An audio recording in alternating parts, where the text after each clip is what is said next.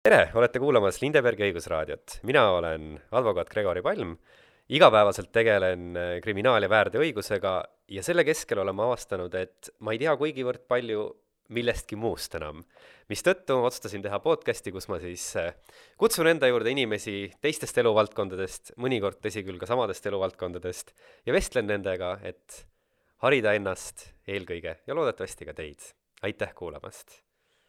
Tere kuulajad, tere tulemast kuulama siis meie järjekordset saadet. täna on minu külalisteks advokaadid Keijo Lindeberg ja Kardo Karon. tervist! tere! tere! ja meie tänane teema on korteriühistud. Hmm, sellega seoses siis, mis on korteriühistu puhul peamised mured, kuidas neid minimaliseerida ja mida siis ka teha muuhulgas äh, nii-öelda korteriühistu juhatuse liikmena ja ka korteriühistus lihtsalt tavalise elanikuna. Ja mu esimene küsimus ongi teile, teie nüüd mõlemad sellega tegelete, minule teadaolevalt te vist mõlemad olete enda korteriühistute juhatuses ka olnud või olete, noh, nii nagu klassikaliselt kõik advokaadid pannakse alati pukki. mis siis on need peamised probleemid, millega siin korteriühistus äh, nagu juhatuse poole pealt tuleb silmitsi seista? no ma alustan, et eh, jah, ma olen, tead isegi ma vist hetkel olen juhatuse liige, kuigi ma seal majas enam ei ela. murettekitav. Aga, aga selles mõttes, et eh, eks sellised igapäeva olmeküsimused on need, millega peab tegelema aga mis ma nagu omalt poolt. ja ma täpsustan jah küsimust selles osas, et jätame kohe selle välja, et kas nüüd prügikasti tühjendatakse kaks korda nädalas või kolm korda nädalas, just õiguslikud probleemid, et kuna me ikkagi siin advokaadid koos, siis selle nurga alt jah. et see prügikast võib kõige rohkem konflikte tekitada mm,. et selles mõttes, et see on sihuke, selles mõttes hea näide, mis näitab, et kui kokkuleppeid äh, ühistu sees ei ole, üks pool tahab maksimaalselt kulu kokku hoida ja teine tahab, et oleks alati see kast tühi ja ei teki mingisugust üleajamist ja, ja reostust nii-öelda, et siis, siis see tegelikult praktikas võib väga palju probleeme tekitada. aga mis ma nagu enda, enda vaates tahtsin kindlasti rõhutada, on just see, mis, mis praktikas ma näen, et on probleem ja mida ei teata on, see on seotud nüüd selle uue seadusega, äh, mis me nüüd on tegelikult juba mitu aastat kehtinud. aga mis on praktikas oluline probleem, on see, et kõik sellised nii-öelda igapäevaküsimused ka täna on enamikes ühistutes lahendatud ära äh, kodukorraga ja, ja kodukord on selline dokument, millel vanasti oli suur tähtsus. täna kodukorda äh, seaduses enam ei ole. kas kodukord on siis põhimõtteliselt see asi, et kui sa nagu paneelmaja esimesele korrusele topid mingisuguse dokumendi, mis ütleb, et noh, käitu korralikult, ära suitseta trepikojas, midagi sellist? no põhimõtteliselt jah, et äh, äh kuidas ta on avaldatud, seal mälu järgi isegi ka vanas seaduses ei olnud otseselt midagi öeldud. põhiline see, et ta peab olema vastu võetud äh, piisava kvoorumiga ja nii edasi. aga mis probleem on jah selles, et ma hetkel isegi ei oska öelda, kas, kas nüüd uuemad kohtupraktikad selle kohta on, aga mida vähemalt äh, seaduseelnõu ütles, ongi, et äh, korteriühistu kodukord kui selline täna enam mingit õiguslikku tähendust ei oma ja põhjus on ka väga lihtne, et kui, kui näiteks ma ostan täna äh, korteri hoonesse, mis on võib-olla juba aastaid vana mm, -hmm. siis ma tahan teada, mis on need olulised reeglid, mida sinna majja kolides ma pean järgima mm. -hmm. ehk siis nii-öelda, millised on ootused mulle ja millised ootused mul teistele, selle järgi ma saan ka otsustada, et kas, kas see keskkond, kas need põhimõtted on minu jaoks sobivad või mitte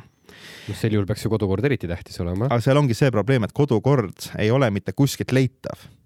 et see on ka see põhjus, miks kodukord ära kaotati, et on olemas põhikiri. põhikiri on registris olemas, riigilõiv on seal kaks-kolm eurot, aga ma saan selle kulutuse teha ja ma näen kõiki neid reegleid. ehk nii-öelda selle seadusemuudatuse mõte oligi selles, et kõik see, mis on oluline, mis reguleerib seda ühist elu, ühist toimimist, peabki olema põhikirjas kirjas ehk siis see on kolmandatele isikutele lihtsasti kättesaadav, leitav, väike riigilõiv ja, ja kõik saavad nii-öelda selle ühtse info et ühesõnaga, ma saan siis aru, et ma nagu, kui vanasti oli see, et ma panengi oma selle mingi nartsu sinna esimesele korrusele, et kõik näevad,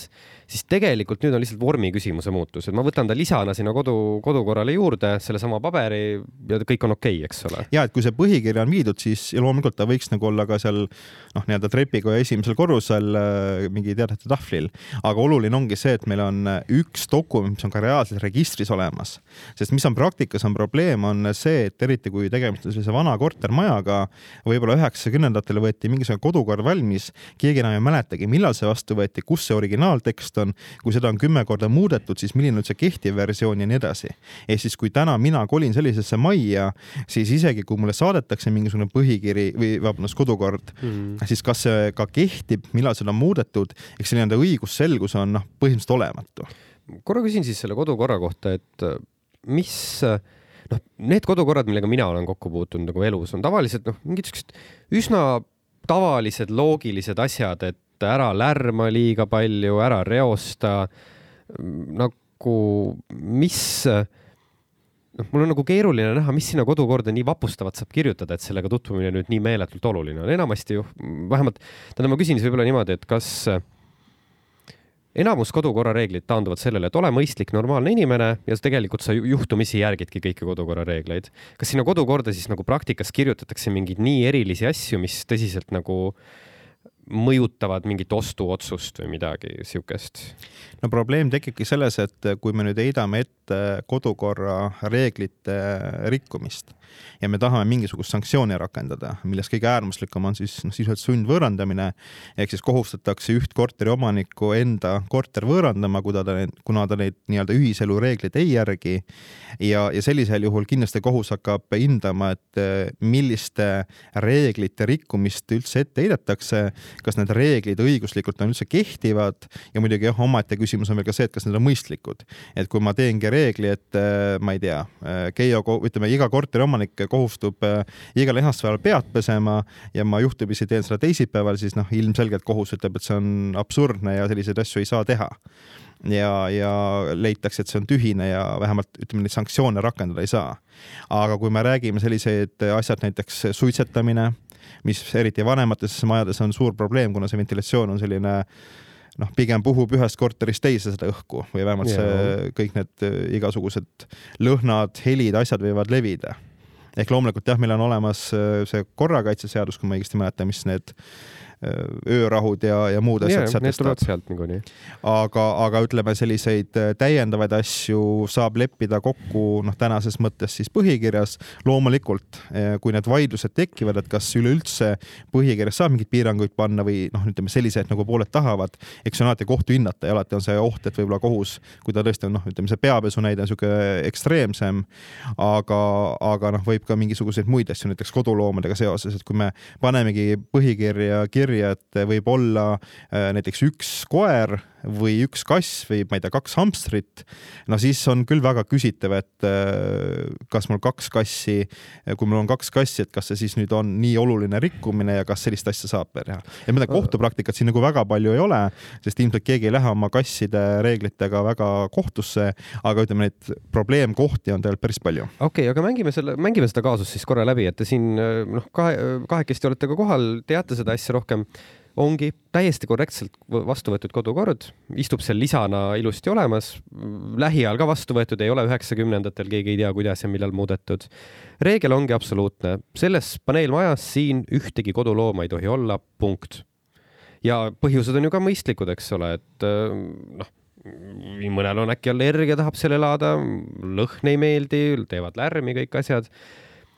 ma saan aru, et kohtupraktikat praegult ei ole, aga mida teie nagu isiklikult siin leiate, et kas see on mõistlik? kas see on midagi, mille kohta kohus ütleb, et noh, tore, et kokku leppisite, aga me viskame selle aknast välja, sest see on ebamõistlik. või võibki öelda, et aga noh, konsensus on olemas, õigus teil ise ju dikteerida, kuidas te elada tahate, et mis selles siis nii hull on? siin peab ütlema õiguslikult vaatama kahte asja, üks on kehtetuks tunnistatav äh, üldkoosoleku otsus, millega siis kinnitatakse põhikiri, teine on tühine et kehtetu puhul on jah see probleem, et kui nüüd seda tähtaegselt ei tehta, siis see jääbki kehtima. kui nüüd kohus leiab, et see on tühine, siis selle tühisuse saab tuvastada ka, ma ei tea, aastakümnete pärast, et seal ei ole mingisugust äh, tähtaega. no räägime tühisusest praegu ja et keegi ei hakanud kohe kehtetuks seda tunnistama, et kõik olid okei okay sellega, kuni kolis keegi sisse, võttis enda kassi ja siis hakkas see kogu aeg plava pihta. no ütleme, minu isiklik seisukoht on see, et kui me räägime koduloomadest äh, ilma igasuguste eranditeta, siis äh, kala, kilpkonn ja veel sellised loomad, mis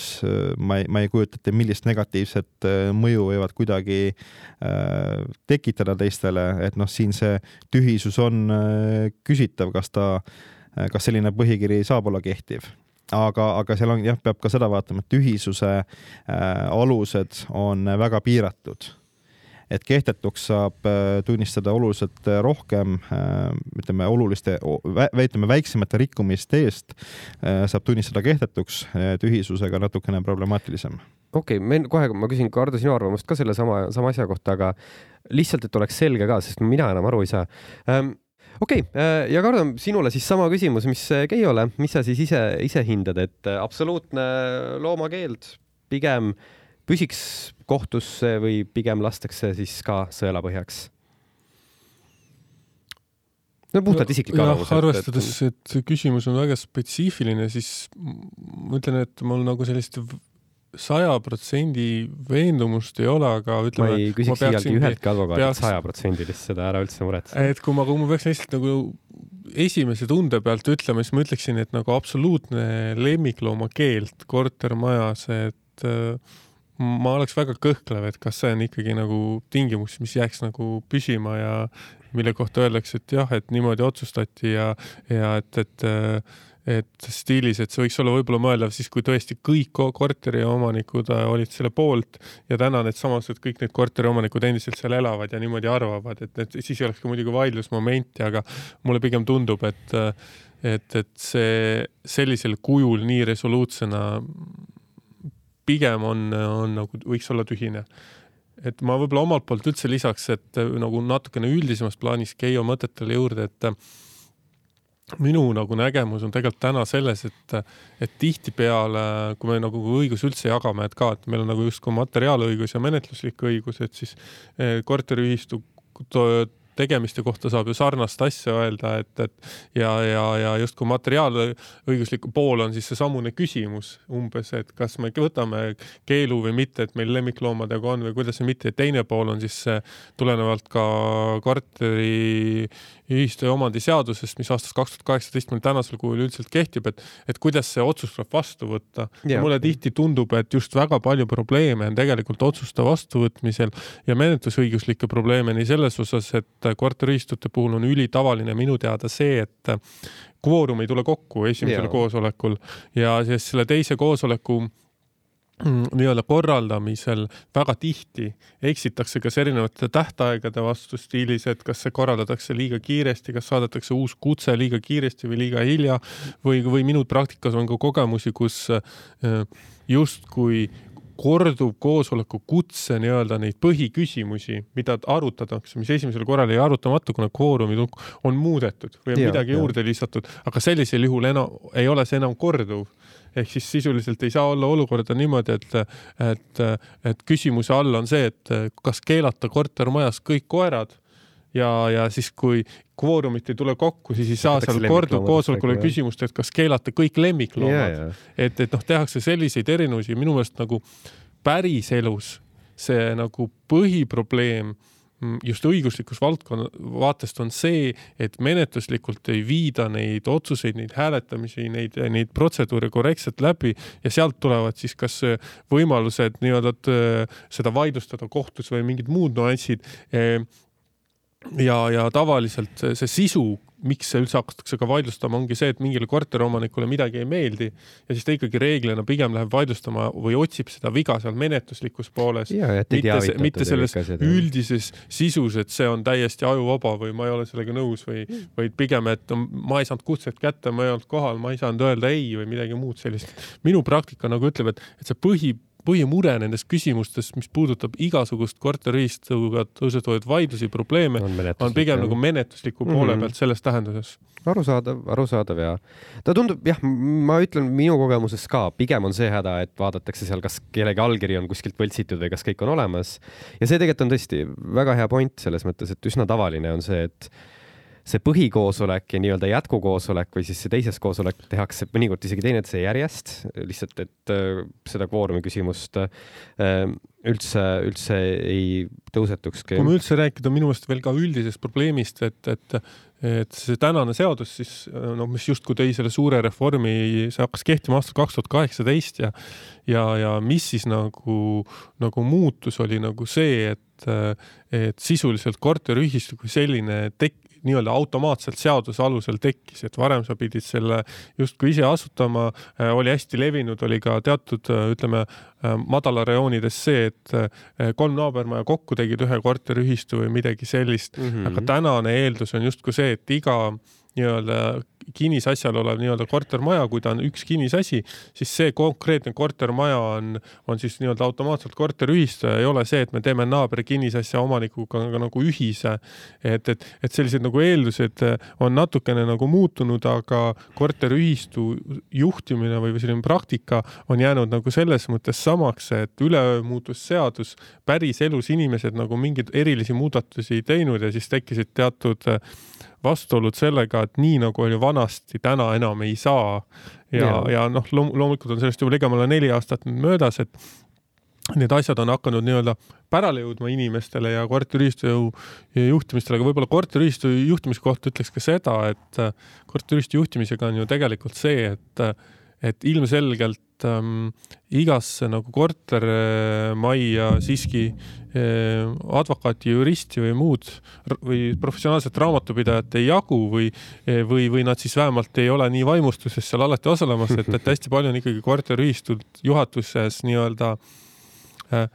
pigem kohalike nii-öelda asjaarmastajad, kes tõenäoliselt alguses mõtlevad nagu kõige paremat, aga siis ühel hetkel saavad aru, et mis supi sisse nad on nagu sattunud ja, ja, ja, ja siis kogu see nii-öelda korteriühistu nagu justkui reeglid on samad olukorras, kus on korteriühistu, kus on neli korterit versus kus on sada neliteist korterit, et noh, justkui reeglid on samad, aga sama päriselus sellise korteriühistu mm, juhtimine on, on tõenäoliselt ja haldamine no, on ikka kaks väga-väga erinevat asja, mis tekitavad kindlasti, erinevaid probleeme, kuni tegelikult noh, võib-olla nii-öelda probleemidena võttes, siis mulle ikkagi lõpuks tundub, et aga vaatamata sellele, eh, kui justkui korteriühistu juhatusele kohaldub ka teatud nii-öelda erisustega mittetulundusühingute seadus ja seal nii-öelda juhatuse liikme igasugune nii-öelda reeglistik, et, et siis nagu et seda hirmu üks korteriomanik kindlasti tundma ei peaks, et kui ma lähen juhatusse, et, et, et, et siis on mingid suured riskid personaalselt minu vastu või minu kui juhatuse liikme äh, vastutus, et ma arvan, et, et see nagu täna igasuguse korteriühistute nagu vaidlustel ja probleemide kohal ei ole, kui ole teemaks, et pigem on teemaks, äh, et ots-, otsused, kas nad on menetluslikult korrektselt vastu võetud või siis äh,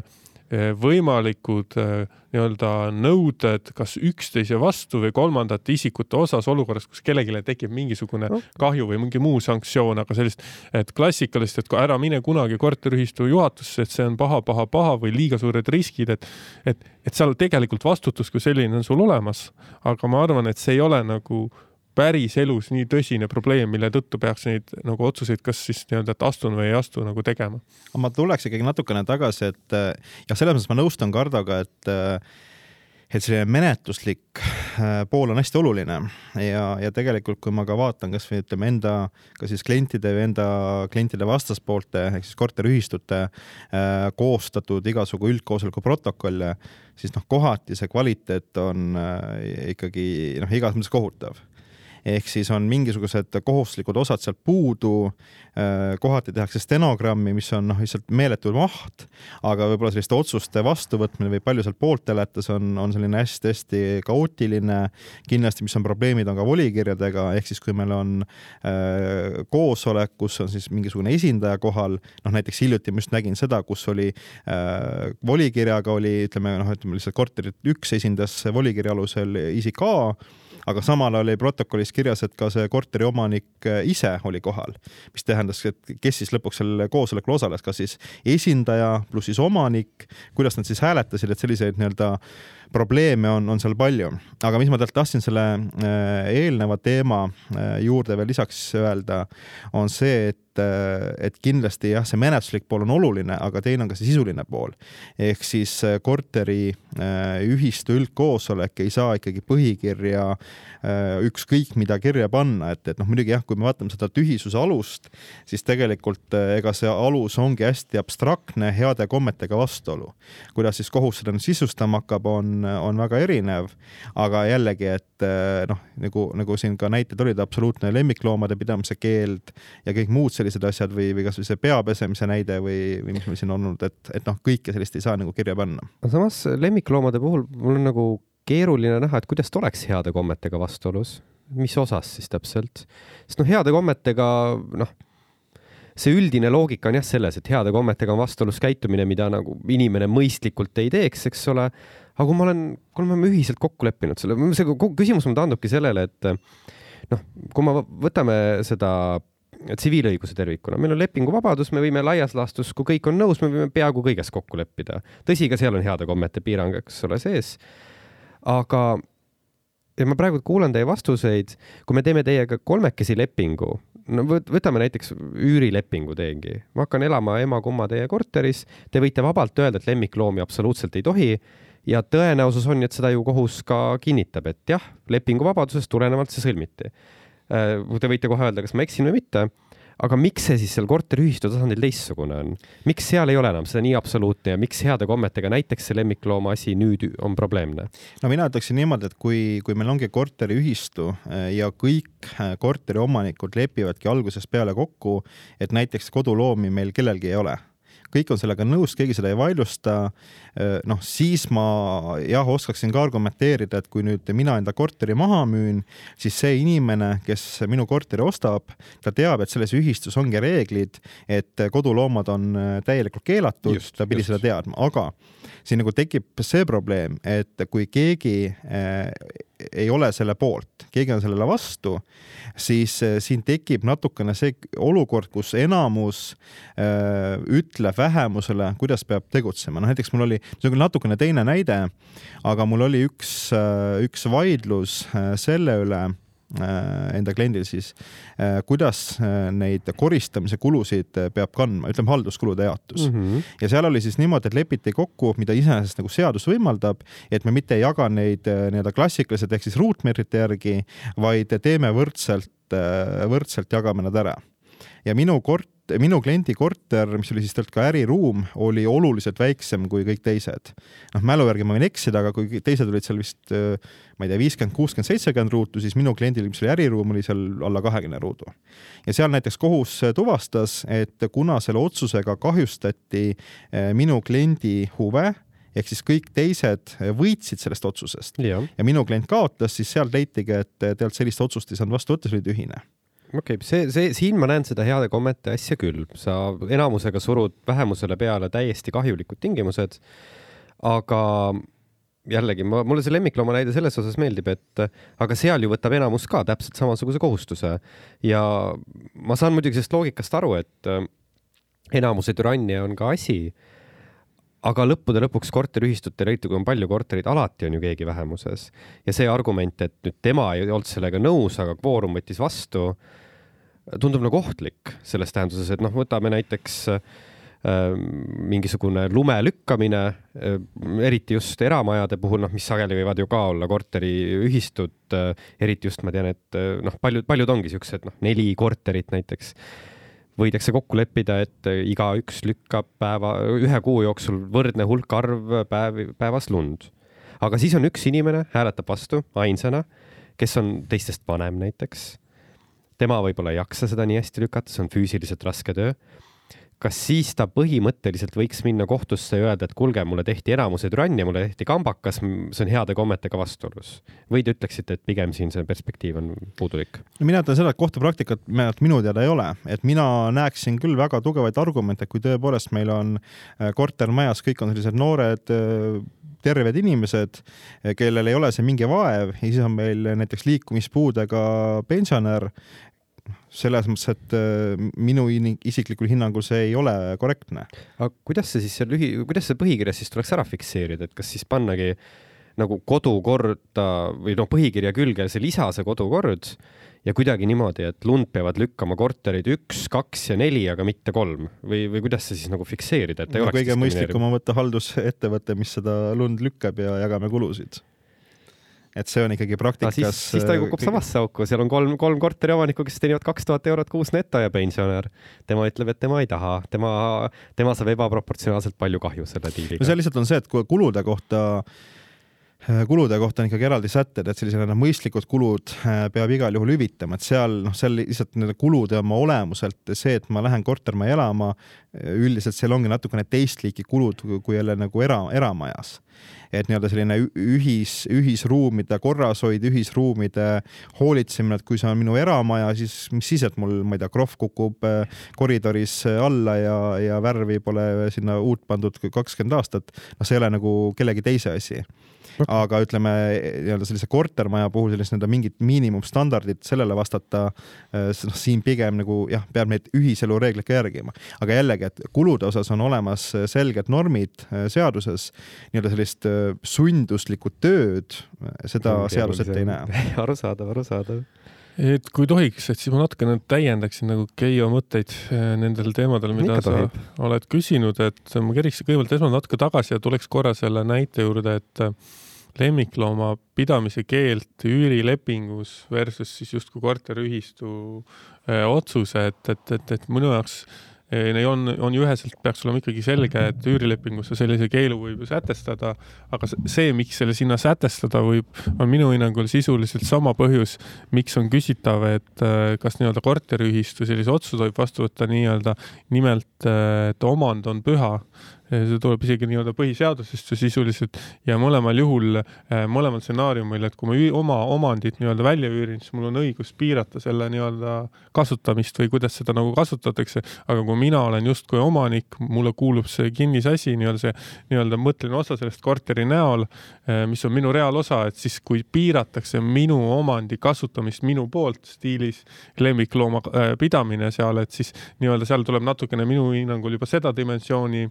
sisse ja kui küsida minu jaoks nagu, et heade kommetega nagu vastuolus, et minu hinnangul võiks sellises nagu õigussuhetes seda heade kommetega vastuolu natukene vaadata ka läbi selle prisma, et heade kommetega vähemalt argumenteerida, et heade kommetega vastuolus on ka igasugused põhjendamatud piirangud või keelud. et, et mis on see mõjuv põhjus või, või, või mis siis nagu muutub kõikide teiste näiteks jaoks olukorras, kus, kus nii-öelda lemmikloom on siiski lubatud, et, et mis see nagu reaalne eluline vajadus on või, või milline siis nende, nende isikute, kes on selle poolt, et lemmiklooma ei tohiks pidada, et, et mis on siis nende, nende negatiivne tagajärg näiteks. Äh, kui nüüd liikuda edasi natukene sinna mm, lume koristamise näite juurde, siis ma, ma, minu meelest tuleks teha nagu, nagu jälle nagu äh, et õiguspraktikas seal selgeid vastuseid ei ole, sest neid vaidlusi ei ole lihtsalt peetud kohtu tasandil mm. -hmm. aga minu meelest tuleb siin natukene nagu kaine mõistuse piir ka tähele, et tuleb, tuleb nagu tähele panna, et kas see kohustus või see tegevus, mille üle justkui käib siis vaidlus, et kas see enamus domineerib vähemuse üle korteriühistus sees, et loeb ka selle äh,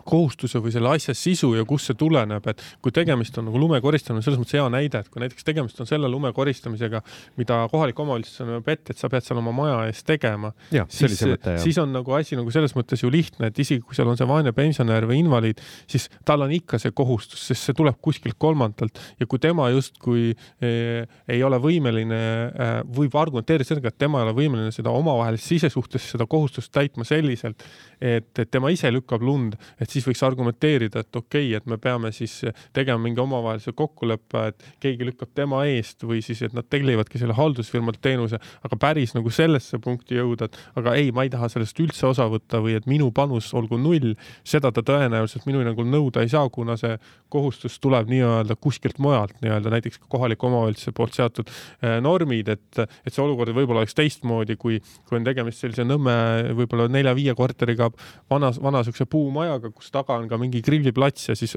eeldatakse, et talveperioodil peab sisehoov peab olema ka lumest seal täitsa, täitsa puhas ja siis, kui see eh, nii-öelda invaliid leiab, et ei, tema hinnangul ei ole see vajalik, ta isegi ei käi talveperioodil kodust väljas, et, et siis võiks nagu sellel vaidlusel tema vaatest nagu rohkem jumet olla, et, et miks teda nagu koormatakse, kas siis rahaliselt või, või, või, või lausa öeldakse, et sa pead tagama, et kutsu endale mingisugune sugulane appi, kes sinu päevadel nagu lund lükkaks. et siis see nagu vaidlus oleks kindlasti jumekam versus olukorras,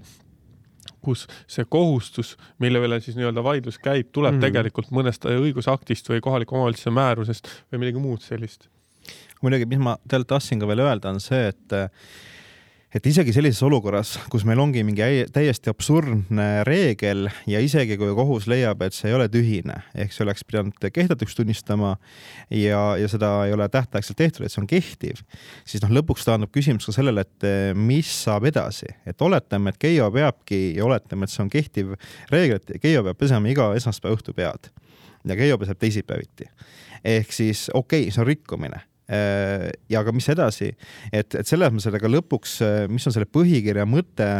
ja kõikide nende kohustuste mõte on ka sätestada sellised kõige ütleme, olulisemad reeglid, mille rikkumine äh, sisuliselt toobki kaasa selle, et inimene ei peaks selles majas enam elama ja, ja me lähmegi tegelikult selle nii-öelda korteri sundvõõrandamise nõude juurde, mis siis tähendab seda, et kui inimene eh, pidevalt rikub mingisuguseid kohustusi, siis eh, saavadki teised korteriomanikud öelda, et me enam ei aktsepteeri sinu elamist selles majas. Eh, me anname sulle tähtaja, et see korter maha müüa ja kui sa seda ei tee, siis lähebki see noh, sundmüüki ehk Kor... siis seda tehakse läbi täitemenetluse. korra küsin, kas see on ainukene asi, mida siis saab nõuda, kas see põhikirja Äh, või noh, kodukorra rikkumise ainuke sanktsioon on äh, sund, sundvõõrandamine või seal on mingid trahvid ja asjad, leebemad variandid ka? no ütleme, kui näiteks on mingisugune kahju tekitatud ehk siis äh, mingi kohustus on täitmata ja, ja selle tulemusel tekib kahju, siis noh, põhimõtteliselt saab ka selle kahju hüvitamist nõuda. võtame jah, kahju hüvitamine, see, see on nagu läheb natuke selles suhtes teise teemasse, jah, ma see, see, see loogika on iseenesest nagu arusaadav,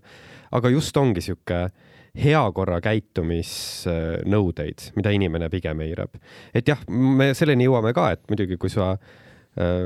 ei paranda, ei hoolitse enda kodu eest ja uputad al alumist naabrit näiteks, siis me, on juba natuke teine õigussuhe tervikuna.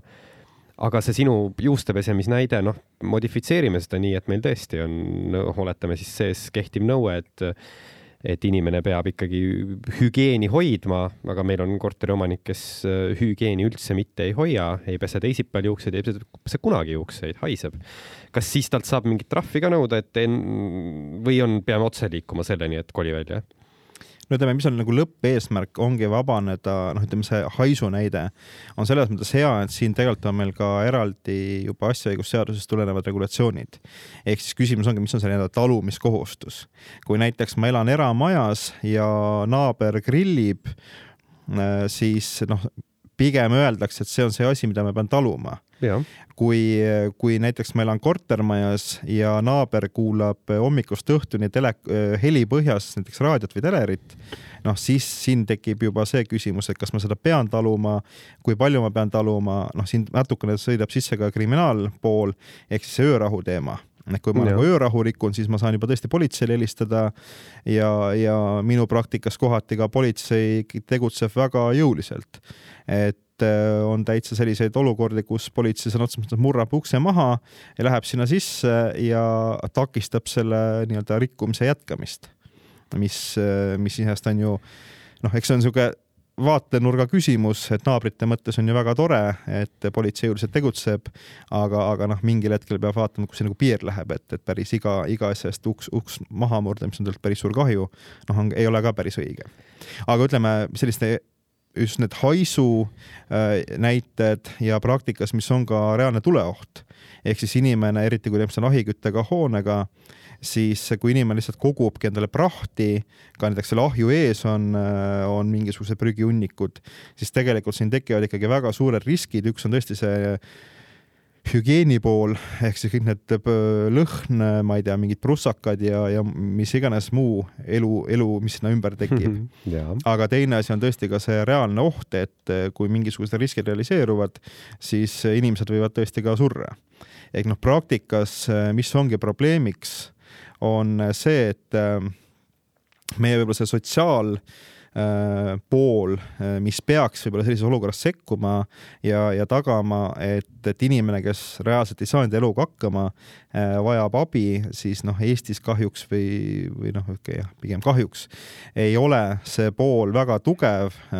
ja, ja see, et kohalik omavalitsus sekkuks ja võib-olla paigutaks mõne inimese hooldekodusse, noh, see eeldab ikkagi väga ekstreemseid olukordi mis iseenesest on võib-olla ka positiivne, et noh, tõepoolest, et iga inimene saabki ise otsustada, kuidas ta oma elu elab ja, ja kui ma nagu väga teisi ei häiri, siis noh, mis see teiste asi on. Aga, aga teisest küljest muidugi meil on ka inimesed, kes tõepoolest noh, ei ole otseselt ohtlikud endale ja teistele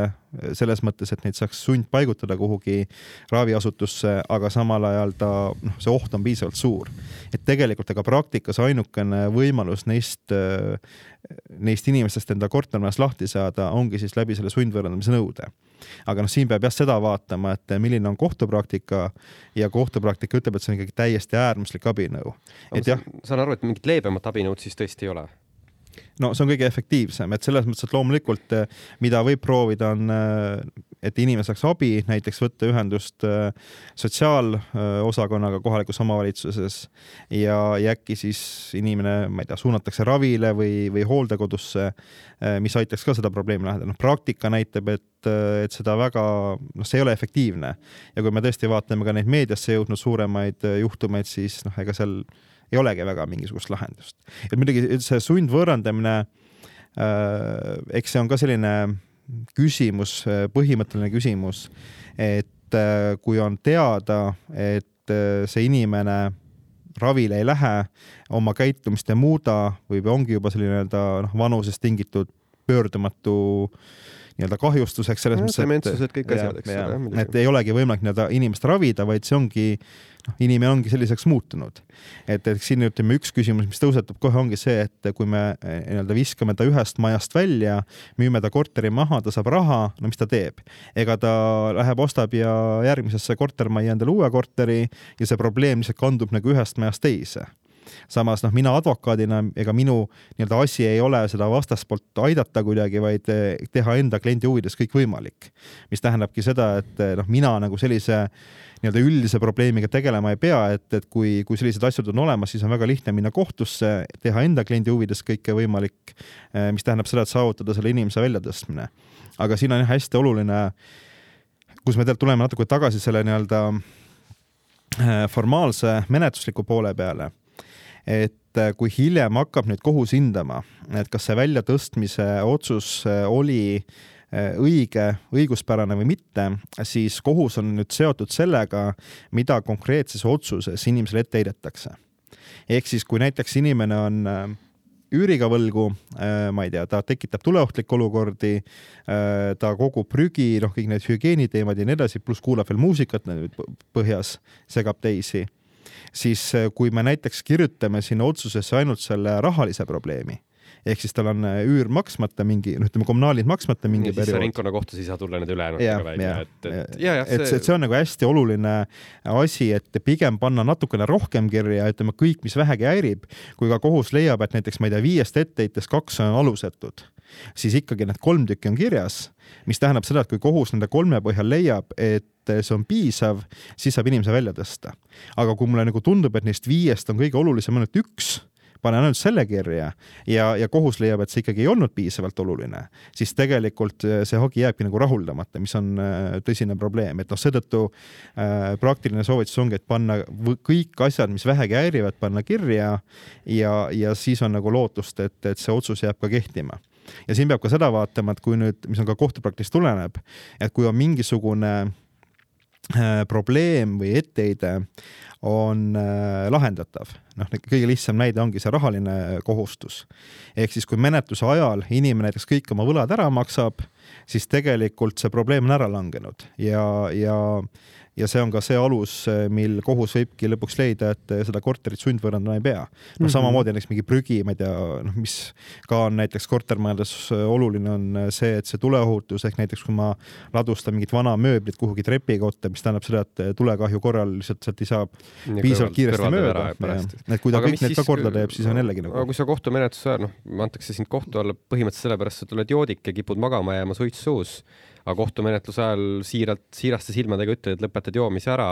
oled võib-olla ennast Wismarisse kirja pannud, kas see on nagu lahendatav pigem või pigem, või pigem ei usuta neid inimesi? no eks see on hindamise küsimus, aga ütleme, see üldpõhimõte on jah selles, et see on kõige äärmuslikum abinõu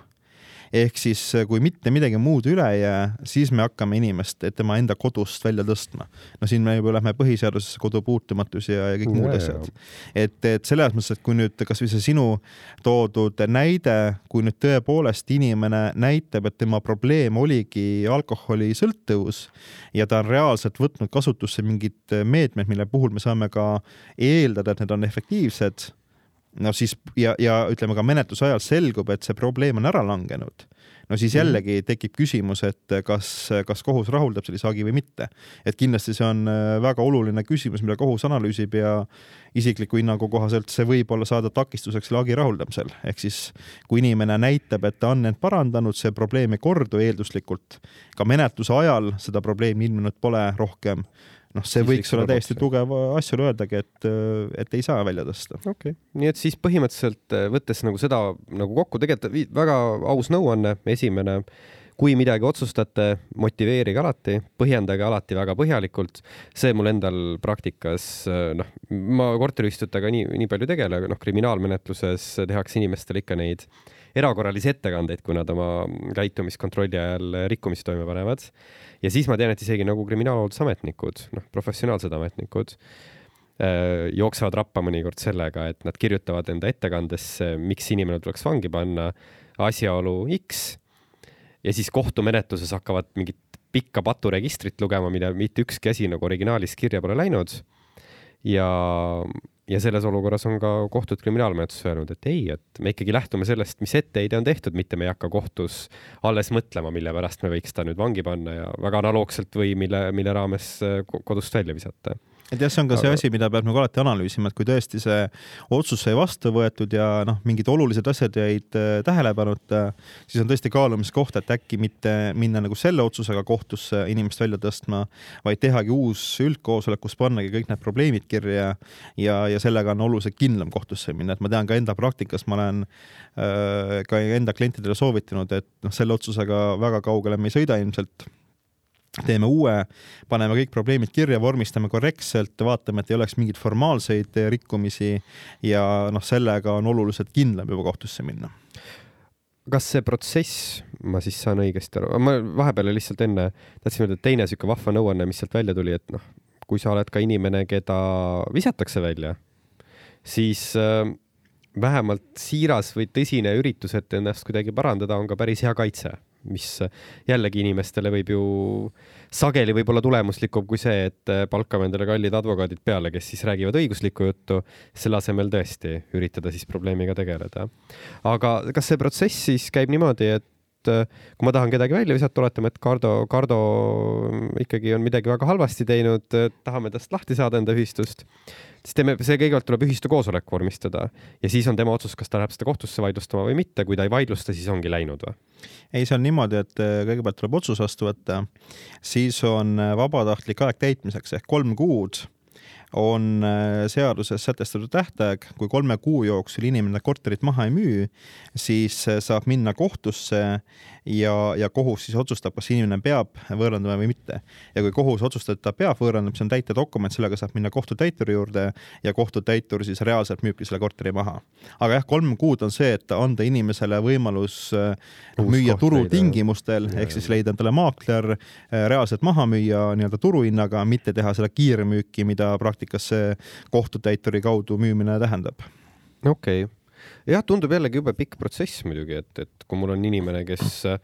on aktiivselt tuleohtlik meie ühistule, siis kõigepealt kutsuda koosolek kokku, noh, me ei saa kvoorumit kokku, teises koosolek, siis anda talle kolm kuud aega, siis ta läheb kohtusse, kohus hakkab mõtlema, tsiviilkohtus käib ju menetlus tavaliselt ikka noh, aasta esimese astme peale ilmselt võib ikka minna, kaebab edasi teise astmesse, läheb Riigikohtusse. Et põhimõtteliselt ma saan aru, et selleks, et sellest inimesest lahti saada, kes mu korteri võib põlema panna äh,, võiks aega minna kolm aastat, neli aastat, võib-olla vähem, võib-olla rohkem. no see nüüd sõltub, et praktika näitab muidugi seda, et kui inimene ongi selline noh, ütleme asotsiaalne, siis enamasti ta ei kipu ka väga seal kohtus aktiivne olema ehk siis võib loota ka tagaselja otsusele näiteks või vähemalt seda, et ta ei lähe vaidlustama seda esimese astme kohtulahendit. aga loomulikult, kui tegemist on sellise no mis on ka praktikas näiteks probleem olnud, on ka see, et eh, näiteks sugulased saavadki aru, et eh, et ega see inimene ei paranda ennast, aga ma ei taha ka seda, et ta lihtsalt saab mingisuguse raha, äh, joob selle näiteks maha ja siis on ta veel kodutu ka ja siis terve suguvõsa peab teda ülal pidama. et tegelikult äh, ka see on see koht, kus, kus näiteks sugulastel võib olla täiesti põhjendatud äh, menetlus aktiivselt osaleda, vastu vaielda ja lihtsalt väldib seda, et, et see inimene muutub enda suguvõsale koormaks, kuna ta saab raha ja, ja seda kuritarvitab või noh, ütleme mõistlikult ei kasuta aga loomulikult jah, et äh, peab olema valmis selleks, et see kohtuvaidlus noh, kolm aastat, noh, see sõltub jah, aga paar aastat, kui Riigikohtuni minnes, see võib küll aega võtta jah okay.. ja lisaks ma ütlen, et äh, siin võib ju selle menetluse ajal tõesti selguda, et, et inimene ongi end parandanud. noh, kõige parem näide ongi just see või ütleme, kõige lihtsam tuvastada ongi see võlgnevus. et kui ta maksab enda võlad ära, siis tegelikult see nii-öelda alus langeb ju kohe ära. ja, ja arusaadav, arusaadav, okei okay,, okei okay ja, aga siis võtamegi selle kohe, et ähm, noh, menetlus kestab, äh, üritame siin seda inimest äh, välja tõsta. vahepeal äkki ikkagi tekitab mingi kahju ka meile, äh, teistele omanikele. klassika vist on, kui ma ei eksi, see, et paljud, paljud kipuvad uputama oma korterit, paljud, ma ei tea, kui tihti seda põletamist ette tuleb, no puumajades ilmselt see on ikkagi reaalne oht, et jäädki magama suitsus et mis siis saab? Karda, võib-olla küsimus siis sulle, et ähm, uputa, kole naaber, halb naaber uputas, äh, tahtis vanni minna, pani vee, vannivee jooksma, jõi end täis, jäi magama, ühtäkki minul on väike bassein köögis väga hea küsimus, et võib-olla selline kortermajas elades nagu võib-olla kõige sellisem igapäevasem murekoht või oht, millega justkui kõik äh, korteriomanikud kokku puutuvad, et õiguslikult justkui see olukord on lihtne, et äh, kõige võib-olla klassikalisem näide, et siis äh, see ülemise korteri naaber teeb noh, selle sinu küsimuse näite puhul näiteks nii-öelda lädistab seal vannis nii hoolega, et muudkui üle vanni ääre looksub vesi, mis siis lõpuks hakkab läbi põranda imbuma alumisele korterile, et et siis õiguslikult on selles mõttes olukord lihtne, et see alumisel korteril on õigus kogu kahju hüvitamist nõuda sellelt ülemiselt äh, korterilt, äh, mis sisuliselt tähendab seda, et on õigus nõuda nii-öelda kogu seda remondikulu, mis seal siis tekib, on õiguskulu nõuda ka näiteks kahjustada saanud vallasasjade, näiteks et kui teie mingid elektroonikaseaded, telekas, mis iganes saab seal vett, ei tööta, nende hüvitamist kuni selleni välja, et kui te remondi ajal peate elama üüripinnal näiteks kaks nädalat või kümme päeva, et siis ka, ka tegelikult võib ka seda nõuda. mulle Aga... meeldib see optimism, et sa Eesti remondiaegade puhul elaksid kümme päeva kuskil no, pigem oled seal mingi neli kuud enne kui keegi s -s minu, minu praktika on see loogika, et, et nelja kuu pärast sa võid tihti jõuda punkti, kus äh, remont algab, aga remont ikkagi tehakse tavaliselt paari nädalaga ära, lihtsalt see punkt, et remondifirma jõuaks kohale ja hakkaks sisuliselt tööd tegema, võtab aega, aga tavaliselt need kahjustused ei ole sellised reeglina kortermajade puhul, et see korter muutub täiesti elamiskõlbmatuks. aga noh, kogu selles olukorras võiks öelda, et, et äh, siin on nagu, ma ütleks kui me oleme täna nii palju hügieenist rääkinud, et millal peab pead pesema, siis ma ütleksin, et, et, et siin nagu parim nagu hügieeni tasemel kaitse oleks see, kui sa oma korteri kindlustad. ehk siis, kui sinu korterile tekitab see ülemine naaber kahju, siis äh, on väga suur tõenäosus, et sinu kodukindlustus, kui see on kindlustatud äh,, maksab nii-öelda selle kahju sinu eest, sinule kinni selle ülemise naabri eest ja nõuab siis selle ülemise naabri käest seda. see on, miks see on oluline, on see, et esiteks see tõenäoliselt äh, nii-öelda toob asjale lahenduse oluliselt kiiremini, mingit kohtumenetlust vahepeal ei ole vaja või mis iganes. pluss see oluliselt suurendab tõenäosust, et sa sealt selles mõttes seda hüvitist saad, et, et äh, olenemata sellest, kui hea või pahatahtlik on see ülemine naaber, siis kui ta ikkagi sulle võib-olla kümnetesse tuhandesse ulatuva kahju tekitab, siis ei ole põhjendatud eeldada, et tal on kohe see kümme tuhat või kakskümmend tuhat kuskilt võtta. arusaadav, jah. et, et nii-öelda juba see probleemi ette võid sa põrgatada, ehk siis nii-öelda see põhilahendus oleks, oleks ikkagi siis sisuliselt see, et, et õiguslikult on olukord lihtne, sa oled justkui nagu seaduse poolt kaitstud, sa saad nõuda seda alumise äh, korteri omanikuna. aga praktika võib olla natuke praktikas nii-öelda nagu ikka, et sa võid ka kohtust selle otsuse saada, aga reaalselt raha saamine on tihtipeale teistsugune olukord ja selle vastu kõige paremini aitab, kui sa oma kodu nii-öelda ära kindlustad. tead, mul tekkis sul, sulle endale kohe küsimus Äh, praktiline juhtum, äh, kolm kindlustust oli, ehk siis nii-öelda alumine korter oli kindlustatud. Äh, ülemine korter, kes tekitas uputuse, oli kindlustatud ja see töömees, kes ühe toru läbi puuris, oli ka kindlustatud. ja, ja siis tekkis küsimus, et kas lasta korter korda teha selle korteri enda kindlustusel ja las nad siis kindlustused omavahel vaidlevad, et kes kui palju vastutab. või noh, mis tehti ettepanek, on see, et las siis otse teeb selle õnnetu töömehe kindlustusfirma korda korda. noh, ütleme minu soovitus ja mõte tol hetkel oli küll see, et äh, las selle korteri enda kindlustus teeb korda, sest noh, mulle tundus, et võib-olla temal on nagu kõige lihtsam neid kahju öö, otsuseid nii-öelda teha, sest ta nagunii teab, et tal on kaks kindlustust, kelle käest neid veel välja sisse nõuda. ja ma, ja mulle endale isiklikult tundus, et, äh, et kõige vähem tahab maksta selle õnnetu töömehe kindlustust, sest noh, kui tal õnnestub midagi, millestki pääseda, siis ta nagu võidab, et on see nagu praktikas hea soovitus soovitus või, või, või pigem seal väga vahet ei ole? mina isiklikult oleksin andnud sama soovituse, mis, mis, millest nagu sina lähtusid, et et neid põhjuseid on, on nagu isegi rohkem kui üks, et miks ikkagi mina võiksin Äh, nii-öelda või peaksin nõudma äh, kahjude hüvitamist nii-öelda anda enda kodukindlustusandjalt, olenemata sellest, et justkui kõikidel teistel osapooltel on ka kindlustus olemas, mis justkui võiks lihtsustada nende käest nii-öelda raha saamist või muud sellist. et, et esiteks tuleb aru saada sellest, et õiguslikult äh, selles olukorras, kui mina olen see alumine korter, mul on nõudeõigus ähm, Äh, tulenevalt siis kodukindlustuslepingule oma kod kodukindlustuse andja vastu ja mul on äh, nõudeõigus selle ülemise naabri vastu. et äh, kui mul ei ole nõude, otse nõudeõigust ülemise naabri kodukindlustus või vastutuskindlustusandja vastu, seda nõuet mul ei ole. ja kui seal on mingisugune töömees ja töömees tõesti nagu justkui Äh, nii-öelda eelduslikult, et töömehel on ka kindlustus olemas, siis mul ei ole ka mingit nõudeõigust tema vastu. mul võib tekkida parimal juhul selle töömehe vastu nõudeõigus siis, kui töömeest reaalselt midagi ära rikub aga tavaliselt see faas tekib juba siis, kui nii-öelda see esimene osa ehk siis töömehele on ju midagi ära makstud või vähemalt talle on garanteeritud, et me maksame sulle, tule hakka tööd tegema. ehk siis selles olukorras ma, ma igal juhul peaksin nagu ikkagi noh, ma reaalselt saan seda nõuda ju ja raha nii-öelda oma kodukindlustuse andja käest. teiseks on siis see, et siis mul on nii-öelda mm, see sinu argument on ka, ma usun, eluliselt noh juriidiliselt sellel ju tähendust ei ole, aga eluliselt usutav, et kindlustusandja ehk siis sinu kodukindlustusandja äkki mõnevõrra nii-öelda leebemalt vaatab läbi selle hinnakalkulatsiooni või need kõik kahjud, mis sulle hüvitatakse olukorras, kus ta teab, et, et see ei olegi ainult kahju, mille puhul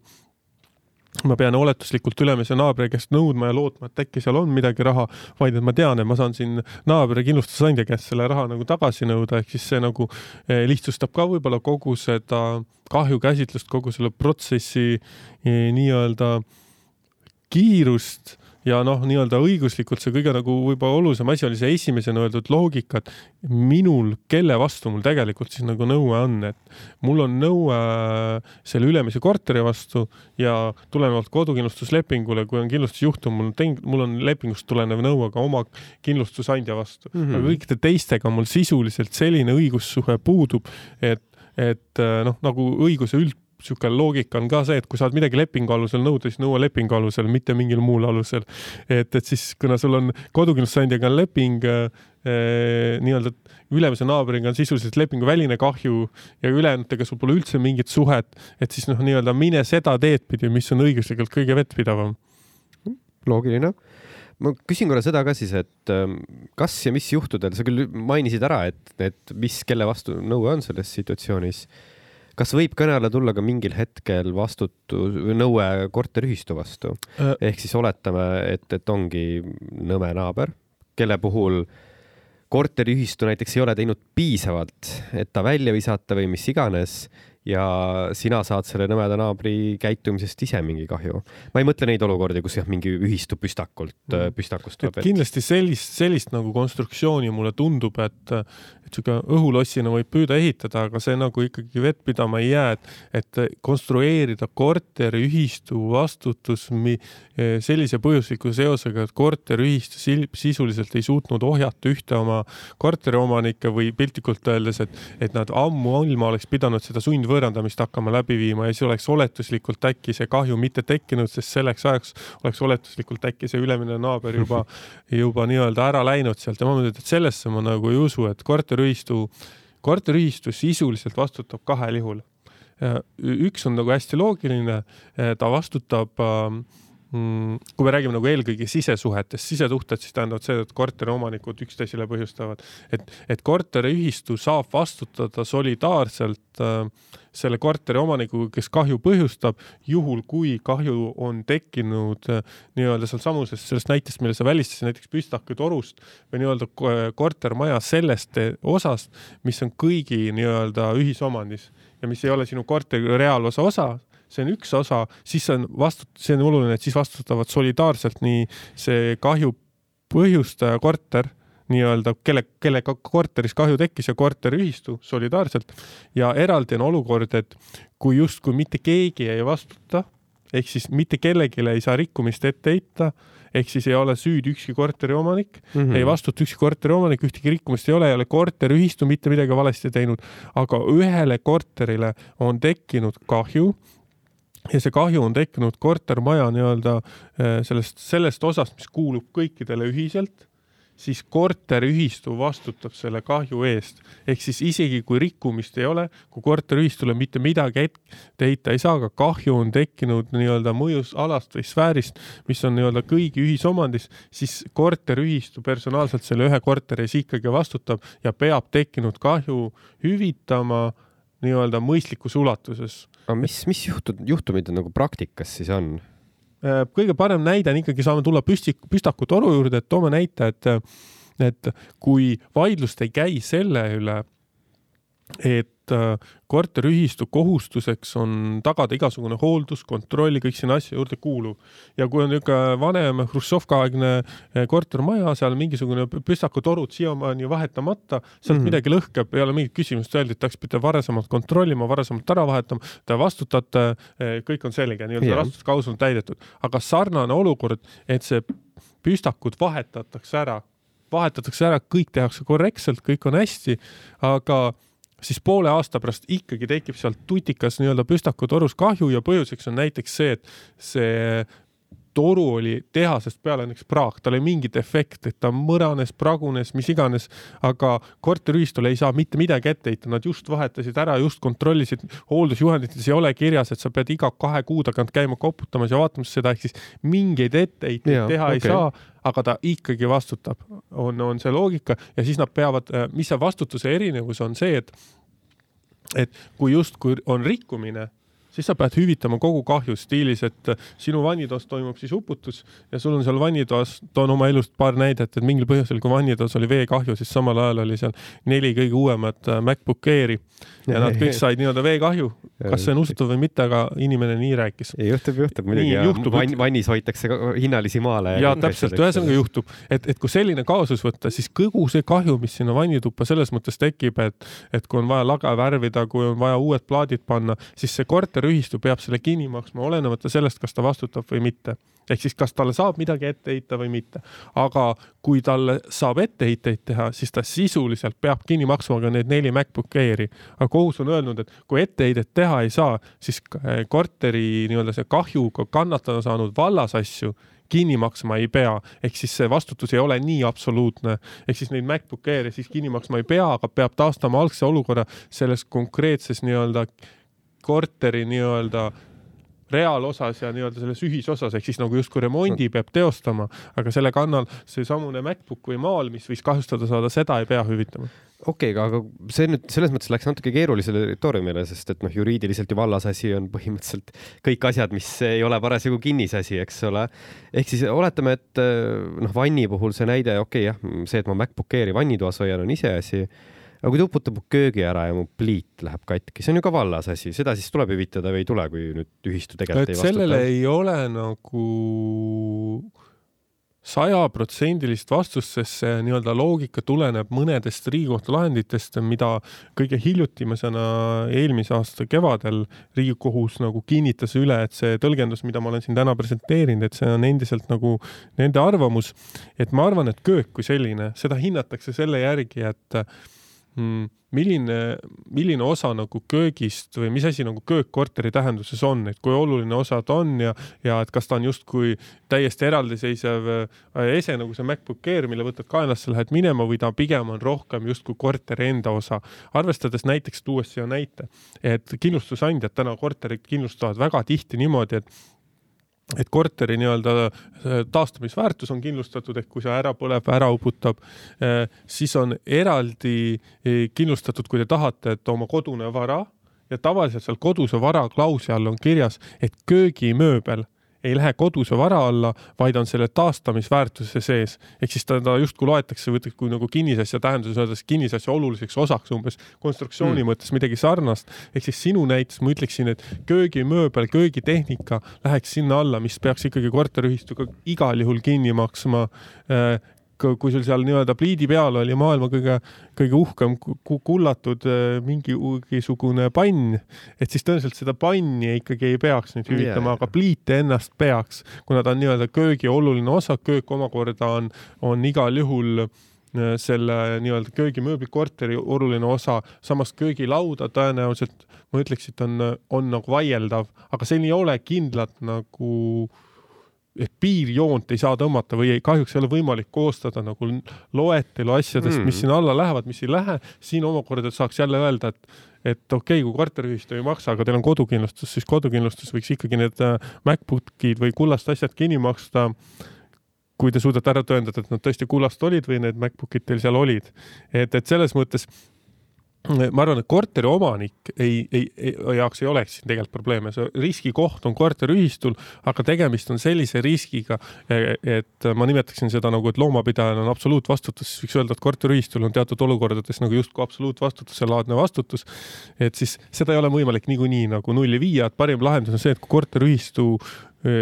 mida saab ka teha, et lisaks tavakindlustusele tehakse, teeb endale vastutuskindlustuse ja kui sul on vastutuskindlustuse tingimused täidetud ja see seadusest tulenev kohustus on sul justkui hüvitada midagi, mm, mille, mida sa pead hüvitama ka siis, kui sul ei saa rikkumist ette heita mm, -hmm. no siis võiks eeldada, et, et on võimalik sõlmida selline vastutuskindlustus, et kindlustusandja kannab selle riski sinu eest ja maksab selle siis kinni ja ma, mulle meeldib see, et taaskord me jõuame äh, selle meie podcast'i potentsiaalse nimeni, kõik sõltub asjaoludest äh, käis ka sinu vastusest ilusti läbi ja vastutuse kindlustuse laadne vastutus, kindlustus äh, oli väga vahva termin ka, mis äh, äh, mingisuguses sõnamängus võiks kindlasti esindatud olla mm,. aga võtame siis nüüd niimoodi, et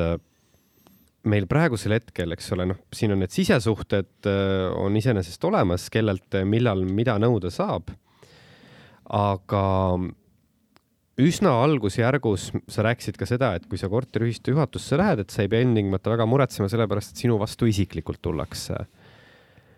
mis juhul praktikas siis võidakse minna juhatuse liikme vastu isiklikult? või kas neid üldse Eestis on?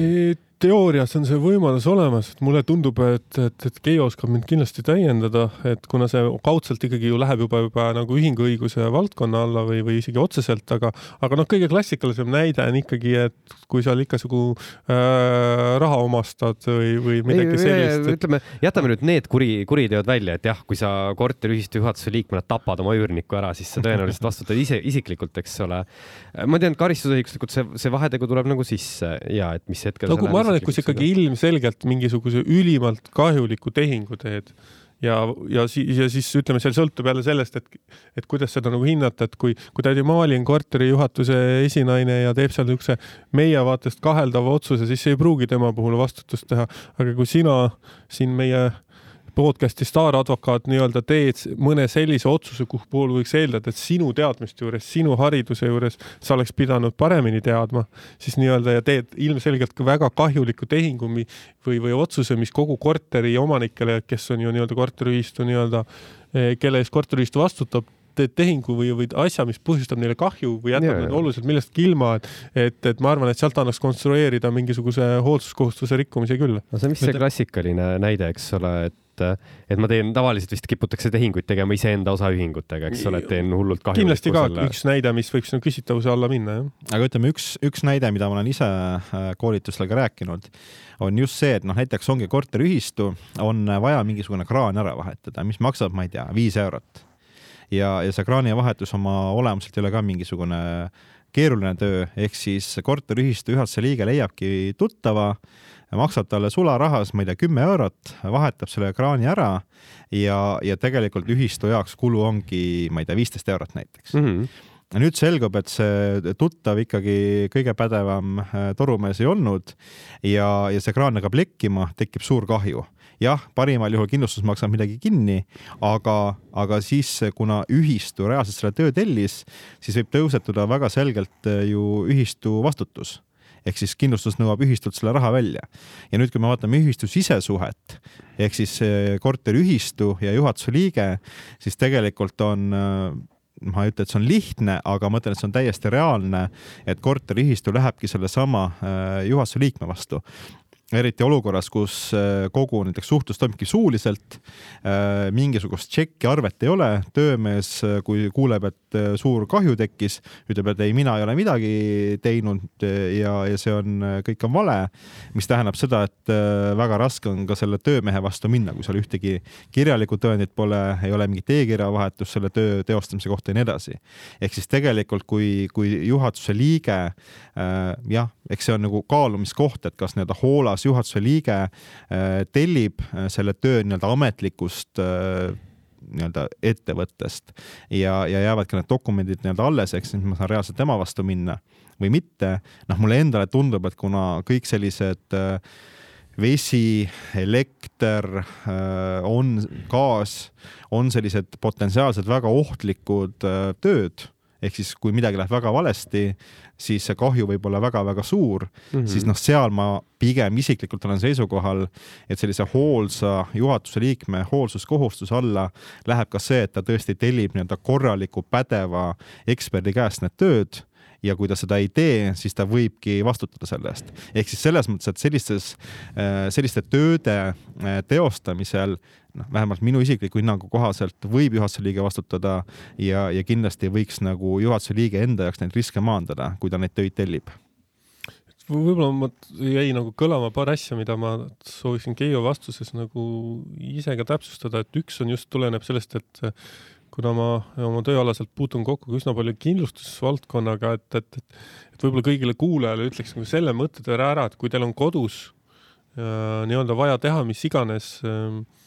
elektri, vee või, või gaasitöid või mingit muud sellist, äh, kus justkui ütleme nii-öelda äh, keskmine, keskmine oskaja inimene võiks mõelda, et ma teen ära ja pole probleemi ja võib-olla täna Youtube'is õpin viieteist minutiga selgeks mm, -hmm. siis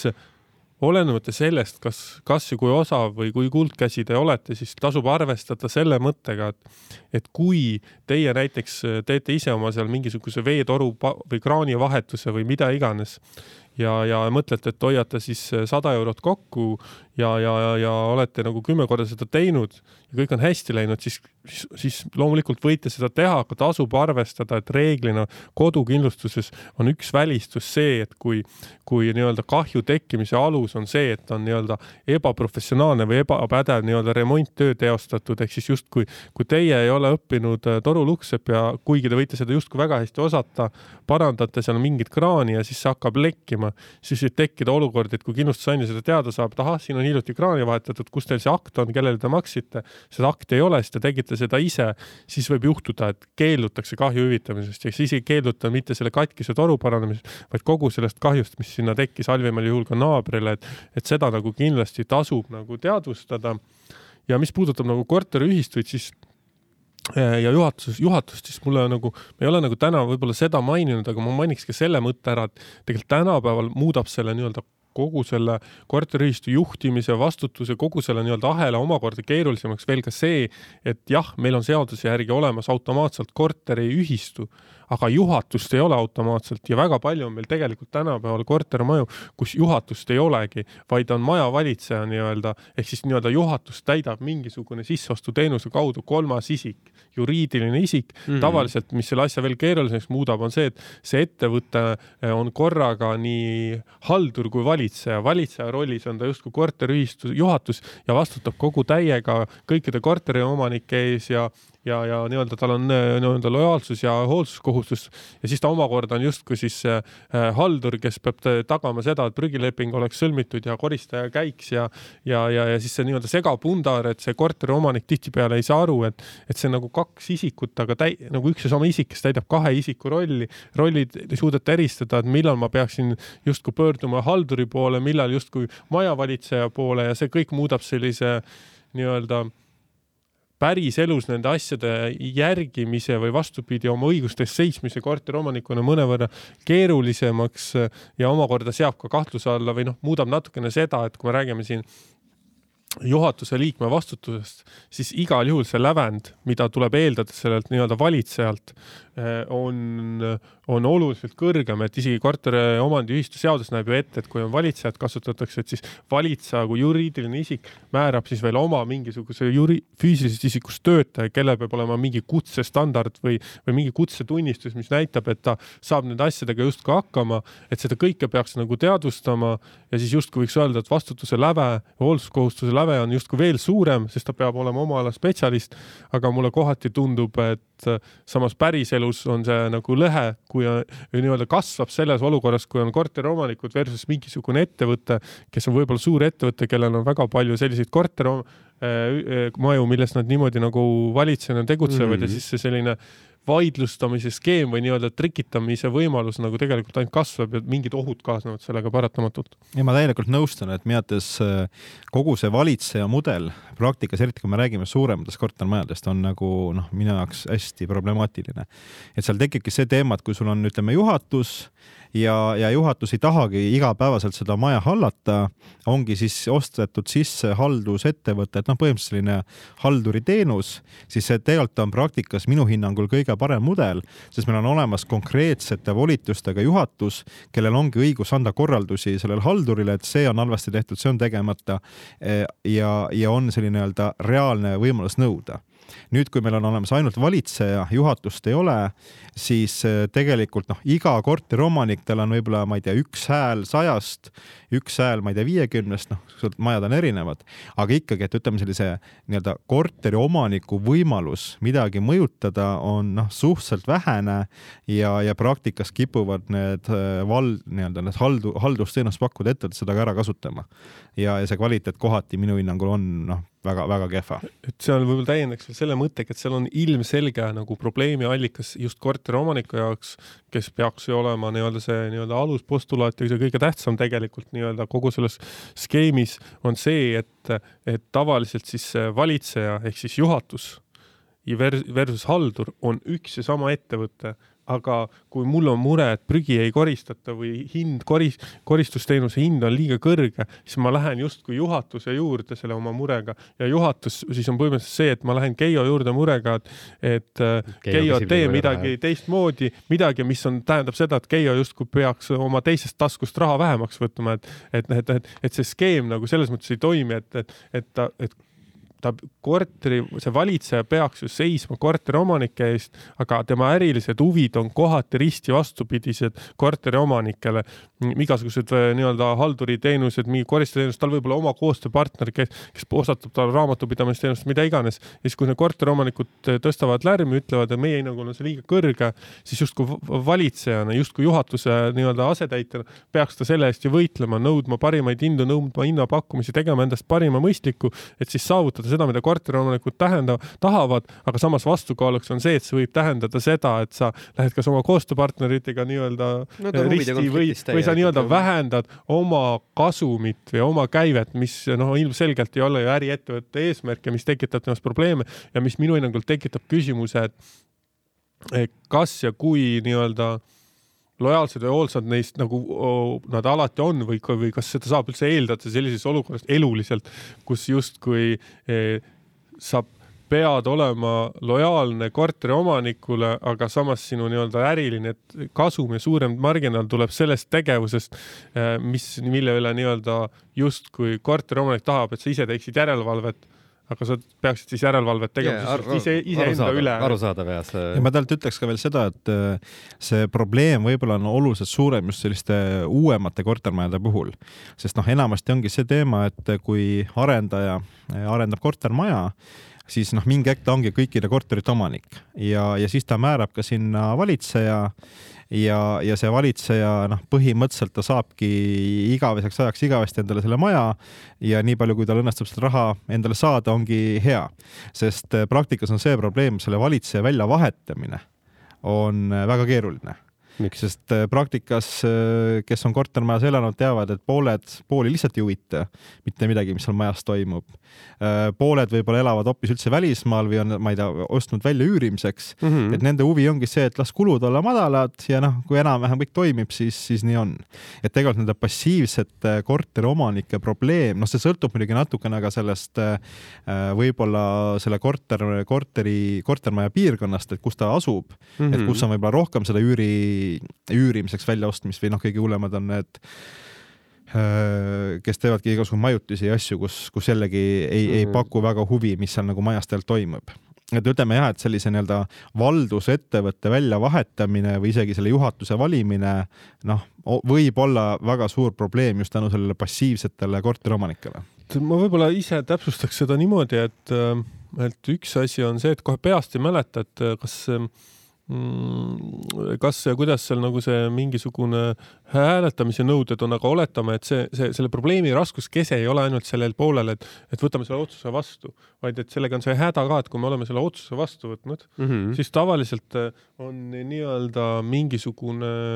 sul selle valitseja, selle halduriga, haldusfirmaga mingisugune leping, te saate selle otsuse tehtud, et jah, me tahame nüüd vahetada, me ei taha enam seda, siis on sellest lepingust tulenevalt või seadusest tulenevalt, kuidas vastavalt on äh, mingi tähtaeg, mille jooksul tuleb ette teavitada, et me ütleme nüüd selle ülesse mm. -hmm. Tavaliselt on see ikkagi paar kuud, nii, ja siis põhimõtteliselt ega sellest hetkest alates, kui sa ütled ülesse mm,, äh, ei ole seal haldusfirmal tõenäoliselt noh, oluliselt huvi väheneb järgmised kuud midagi teha või midagi nii-öelda olla hoolsam. number üks, number kaks, teine asi on see, et kui me räägime mingisuguse saja korteriga majast, et, et siis kogu selle poti, kompoti haldamine, kes eh, eh, nagu, et kogu selle materjali läbisaamine ja õigele firmale edastamine, õigete asjade, neid, neid tegureid, neid lepinguid võib olla nii palju, et mm. keegi ei hoo oma, et see päriselus ellu viia ja kui on nüüd see Keio näide, mis on kõige levinum näide, et uuest kortermajades see nii-öelda arendaja on alguses selle valitseja sinna pukki pannud, see valitseja on korraga nii haldur kui valitseja ehk juhatus kui ka nii-öelda haldusteenuse pakkuja, siis, siis esimene loogika on ju see, et, et kas ma siis korraga nii-öelda taandan ta nii juhatuse rolli rollist kui ka haldusteenuse rollist ja siis mul ei ole ka juhatust, siis mul mm -hmm. sellel samal koosolekul ma võin küll selle juhatuse ära valida, kus ma otsust, võtan vastu otsuse, et me loobume sellest praegusest, aga nii-öelda siis nii-öelda päriselus on siis meil järsku võib-olla viis-kuus inimest, kes nagu arvavad, et nad suudavad nüüd hallata seda suurt kortermaja ja kõiki neid teenuseid, mida on vaja seal saja korteriga, aga päriselus meil ei ole dokumentatsiooni, meil ei ole mitte midagi. või siis teine alternatiiv on see, et justkui juhatuse koha pealt selle haldusfirma taandad aga ta jääb justkui haldusfirmana jääb tööle ja sellises olukorras eh, ei ole nagu mitte midagi eh, noh mis on selle haldusfirma huvi või kuidas on tema nagu suhtumine sinusse, kui sa ütled, et ma sind ei usalda juhatusena, aga ma tahan sult praegu haldusteenust nagu edasi. Ja, ja okei okay,, et see lihtsalt on nagu noh, logistiliselt meeletult õudne hägasti. ma arvan, et see on umbes see asi, et, et see, see kõike seda, mida sa tegema pead, seal õppimist on nii palju, seda vaeva on nii palju ja üldiselt juhatuse liikme töö sellises nii-öelda korteriühistus on ju nii-öelda tasuta töö. et, et, et see oskusteadmine ja samas siis on sul seesamune haldusfirma, kes võib-olla koorib sul küll kümme nahka, aga tal on kõik koostööpartnerid on olemas, kõik on olemas, sõrmenipsudega teeb neid asju, sest tal on praktikakogemus ja tutvused mm. -hmm. ja siis lõpuks see võibki taanduda sellele, et ah, ei viitsi keegi. okei okay., ja, ja see on selles mõttes loogiline küll äh,. okei okay., ja, aga nii äh, ja siis ongi tegelikult äh, meil hakkab aeg vaikselt otsa saama. küsin nüüd selle küsimuse ka, et äh, kas on midagi, mis te ise tahaksite, et nüüd jääks kõlama siia lõppu või midagi, mida ma ise ei ole osanud nüüd päriselt küsida, aga mis oleks ka veel päris oluline ära öelda, mis selle korteriühistu teemaga seondub? No ma nagu omalt poolt võib-olla ütleksin seda, et äh, oluliselt lihtsam on kõikvõimalikke vaidlusi pidada olukorras, kus dokumendid on korras okay,. ehk siis jah. ütleme, see on see, millest me täna alustasime, et äh, kõik, mis on kodukorras, mis peaks oluline olema, äh, viige need põhikirja, vaadake üldse põhikiri üle, sest ka ju seadus on siin muutunud näiteks on ka see äh, nii-öelda see elektrooniline koosolekute läbiviimine on nüüd reguleeritud. jah, igatahes kui põhjakirjas midagi selle kohta ei ole, siis võib ka need jätkuvalt läbi viia puhtalt seaduse alusel. aga ühesõnaga, et aeg-ajalt tasuks nagu vaadata kõik dokumendid üle, eelkõige põhikiri, kas see vastab sellele, kuidas nagu on mõistlik seda kortermaja hallata? Ja, ja samamoodi äh, kui nüüd neid koosolekuid läbi viia, siis jällegi äh, vaadata väga täpselt, kuidas, äh, mis on need nõuded noh, ütleme hea näide, mis ma enne, enne ka tõin, ongi see volikirja probleem, kus meil on koosolekul nii volitatud kolmas isik kui ta korteri omanik. noh, kes siis hääletas, kuidas neid hääli loeti, et noh, hästi suured probleemid tekivad kohe. ja selle volikirja küljes on ilmselt see häda ka, et kui sul on mingisugused vennad, kes tulevad saja viiekümne volitusega kohale, eks ole, et kuidas seda hallata no ütleme seda, seda saab tegelikult põhikirjaga piirata, kuigi ma isiklikult ütleks, et see võib-olla ei ole ka kõige suurem probleem mm. -hmm. kõige suurem probleem ongi see, et me lihtsalt ei saa inimesi kohale. et et, et seis selliseid otsuseid vastu võtta ja, ja noh, ütleme, kes siis kohale tuleb, mis nii-öelda meelestatus neil on, et see on niisugune praktikas suurem probleem. aga jah, et ütleme, mida nagu saab tõesti teha ja mida peaks jälgima, ongi see nii-öelda dokumendid korda või kasvõi siis see täpselt seesama näide, mis ma juba ka enne tõin, selle tööde tellimine, et tõesti vaadata, et kui mingeid töid teha tellida, et siis ka selle kohta mingisugused paberid olemas. et mitte ei ole see, et tuttav teeb midagi ära ja kui tekib suur kahju, siis võib-olla juhatuse liige võib ka sellest vastutada hmm., kuna ta ebaprofessionaalse töö tellis ja sellega tekitas äh, võib-olla väga-väga suure kahju nii kortermajale kui ka igale korteriomanikule ka arusaadav ja, ja siis põhiline tei-, noh, teine nüanss, mis käis ka täna läbi, mis tasub veel üle korrata, et kui otsuseid teha, siis alati nagu ka motiveerida, mitte lihtsalt ja, ja. visata mingisugune otsus vastu seina ja loota, et see jääb sinna kleepuma, vaid päriselt põhjendada, miks ja kuidas no see on, ütleme nii ja naa, selles mõttes, et kui me nüüd räägime sellisest äh, tavaotsusest, noh näiteks ma ei tea, juhatuse liikme valimine või, või ma ei tea. ja, ja ilmselgelt keegi ei pea põhjendama, miks ta juhatuse liiget siis seal tegelikult on äh, tõesti see nii-öelda, et see otsuse vastuvõtmine oleks oleks selgelt äh, vormistatud. et, et kui ma seda protokolli loen, ma saan ka aru, et mingi otsus võeti vastu mm., noh, seal nagu praktikas probleemid. aga tõepoolest äh, see koht või ütleme, see otsus, kus on äärmiselt oluline põhjendada, miks selline otsus vastu võeti, on just see sundvõõrandamise nõue et seal tõepoolest ka kohtupraktika ütleb, et kui ma jätan mingid asjad sinna kirja panemata, siis ma ei saa sellele tugineda hiljem mm,. okay., arusaadav. Karl? et ma tahtsin ka nagu võib-olla selle lõpetuseks nagu kaks nagu olulist, minu vaatest nagu olulist nagu mõtet öelda, et, et ma arvan, et üks neist oleks see, et arvestades kõike seda, mida me täna puudutasime, siis minu, minu hinnangul on nagu ilmselge, et, et kui, kui oled korteriomanik, siis on alati nagu mõistlik ja odavam oma, oma korter nii-öelda kindlustada, sest sellega ikkagi maandad väga palju riske, mille äh, ära. Ja teine asi on, et äh, üks hea asi, mis alati aitab, on see, et, et, et kui vähegi suudad, et tunne huvi, et, et mis su korteriühistus toimub,